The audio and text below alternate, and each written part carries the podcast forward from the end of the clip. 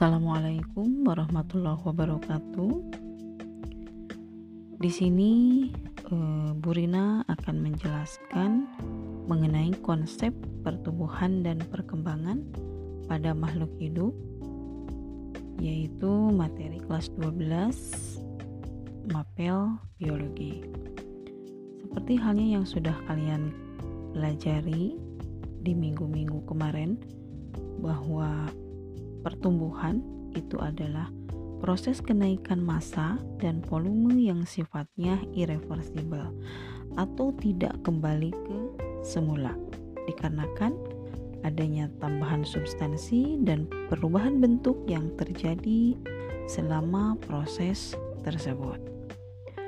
Pertumbuhan ini bisa diukur atau dinyatakan dengan angka-angka atau yang kita sebut dengan kuantitatif.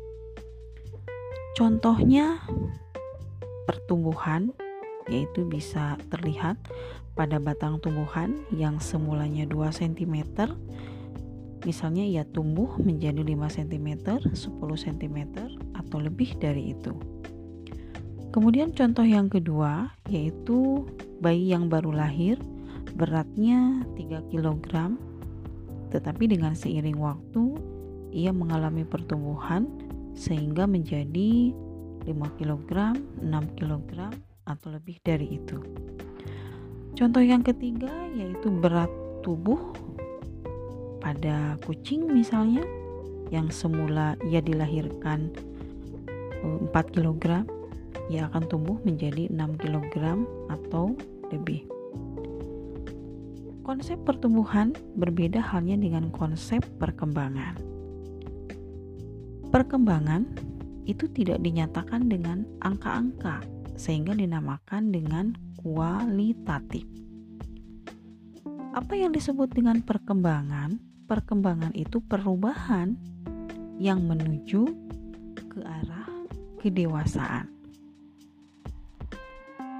Tentunya pertumbuhan selalu diiringi dengan perkembangan. Bagaimana contohnya pada konsep perkembangan? Yaitu terjadi pada bayi misalnya. Bayi yang ketika dilahirkan itu hanya bisa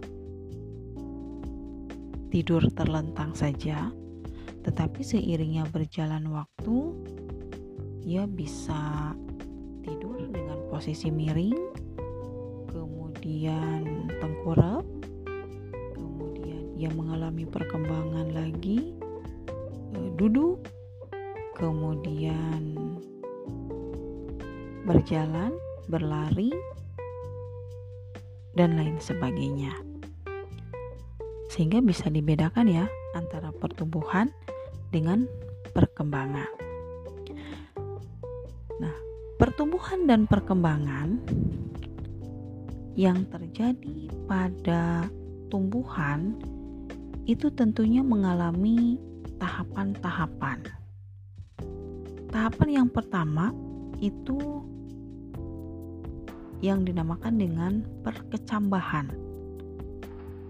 Di mana kecambah atau perkecambahan itu atau yang dinamakan dengan germinasi itu merupakan suatu proses keluarnya bakal tanaman atau tunas dari lembaga yang disertai dengan terjadinya mobilisasi cadangan makanan dari jaringan penyimpanan atau keping biji ke bagian vegetatif. Bagian dari kecambah seperti yang kalian ketahui yaitu ada tiga bagian. Ada akar embrio, ada hipokotil, dan ada kotiledon atau yang dinamakan dengan daun lembaga. Di sini ada faktor-faktor yang mempengaruhi perkecambahan. Tentunya ada faktor eksternal atau yang dinamakan dengan faktor luar dan ada faktor internal atau faktor dalam. Faktor internal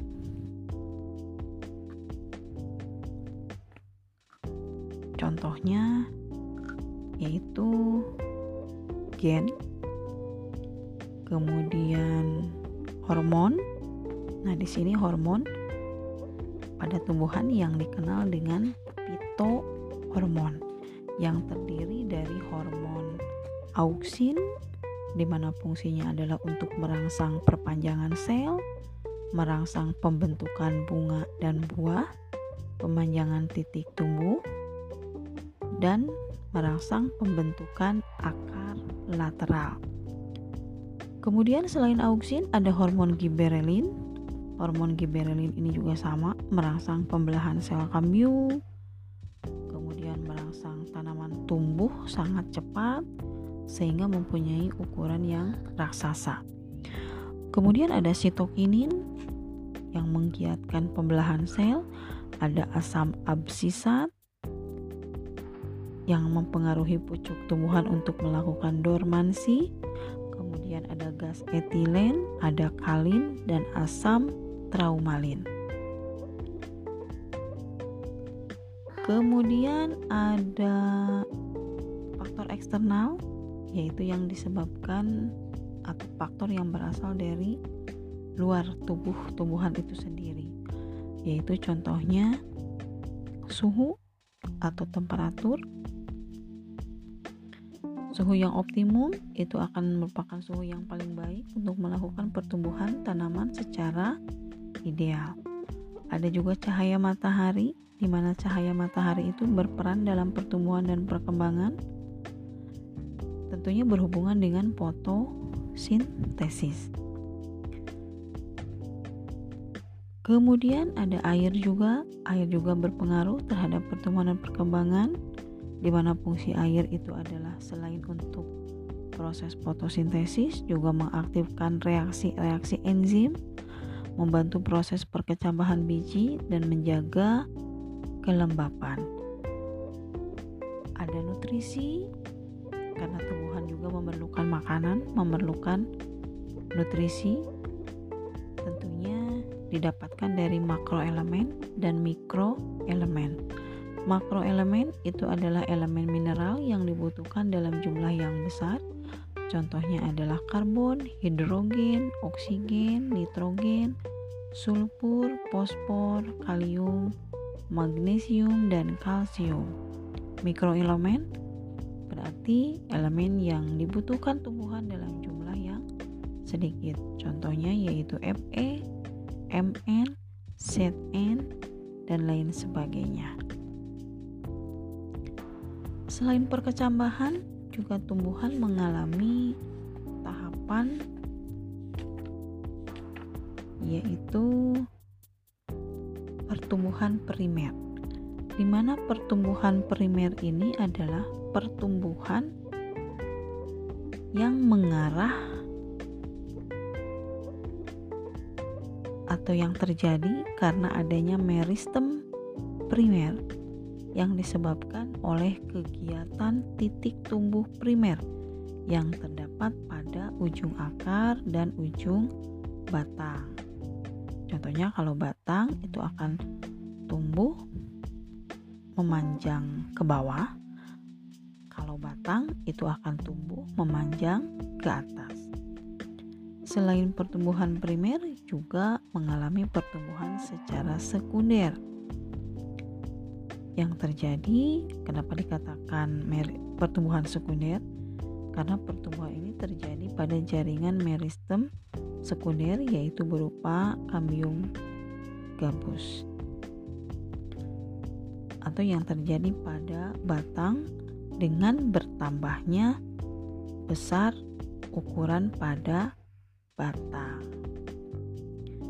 Nah, teman-teman kelas 12 mungkin itu materi atau konsep pertumbuhan dan perkembangan yang terjadi pada makhluk hidup.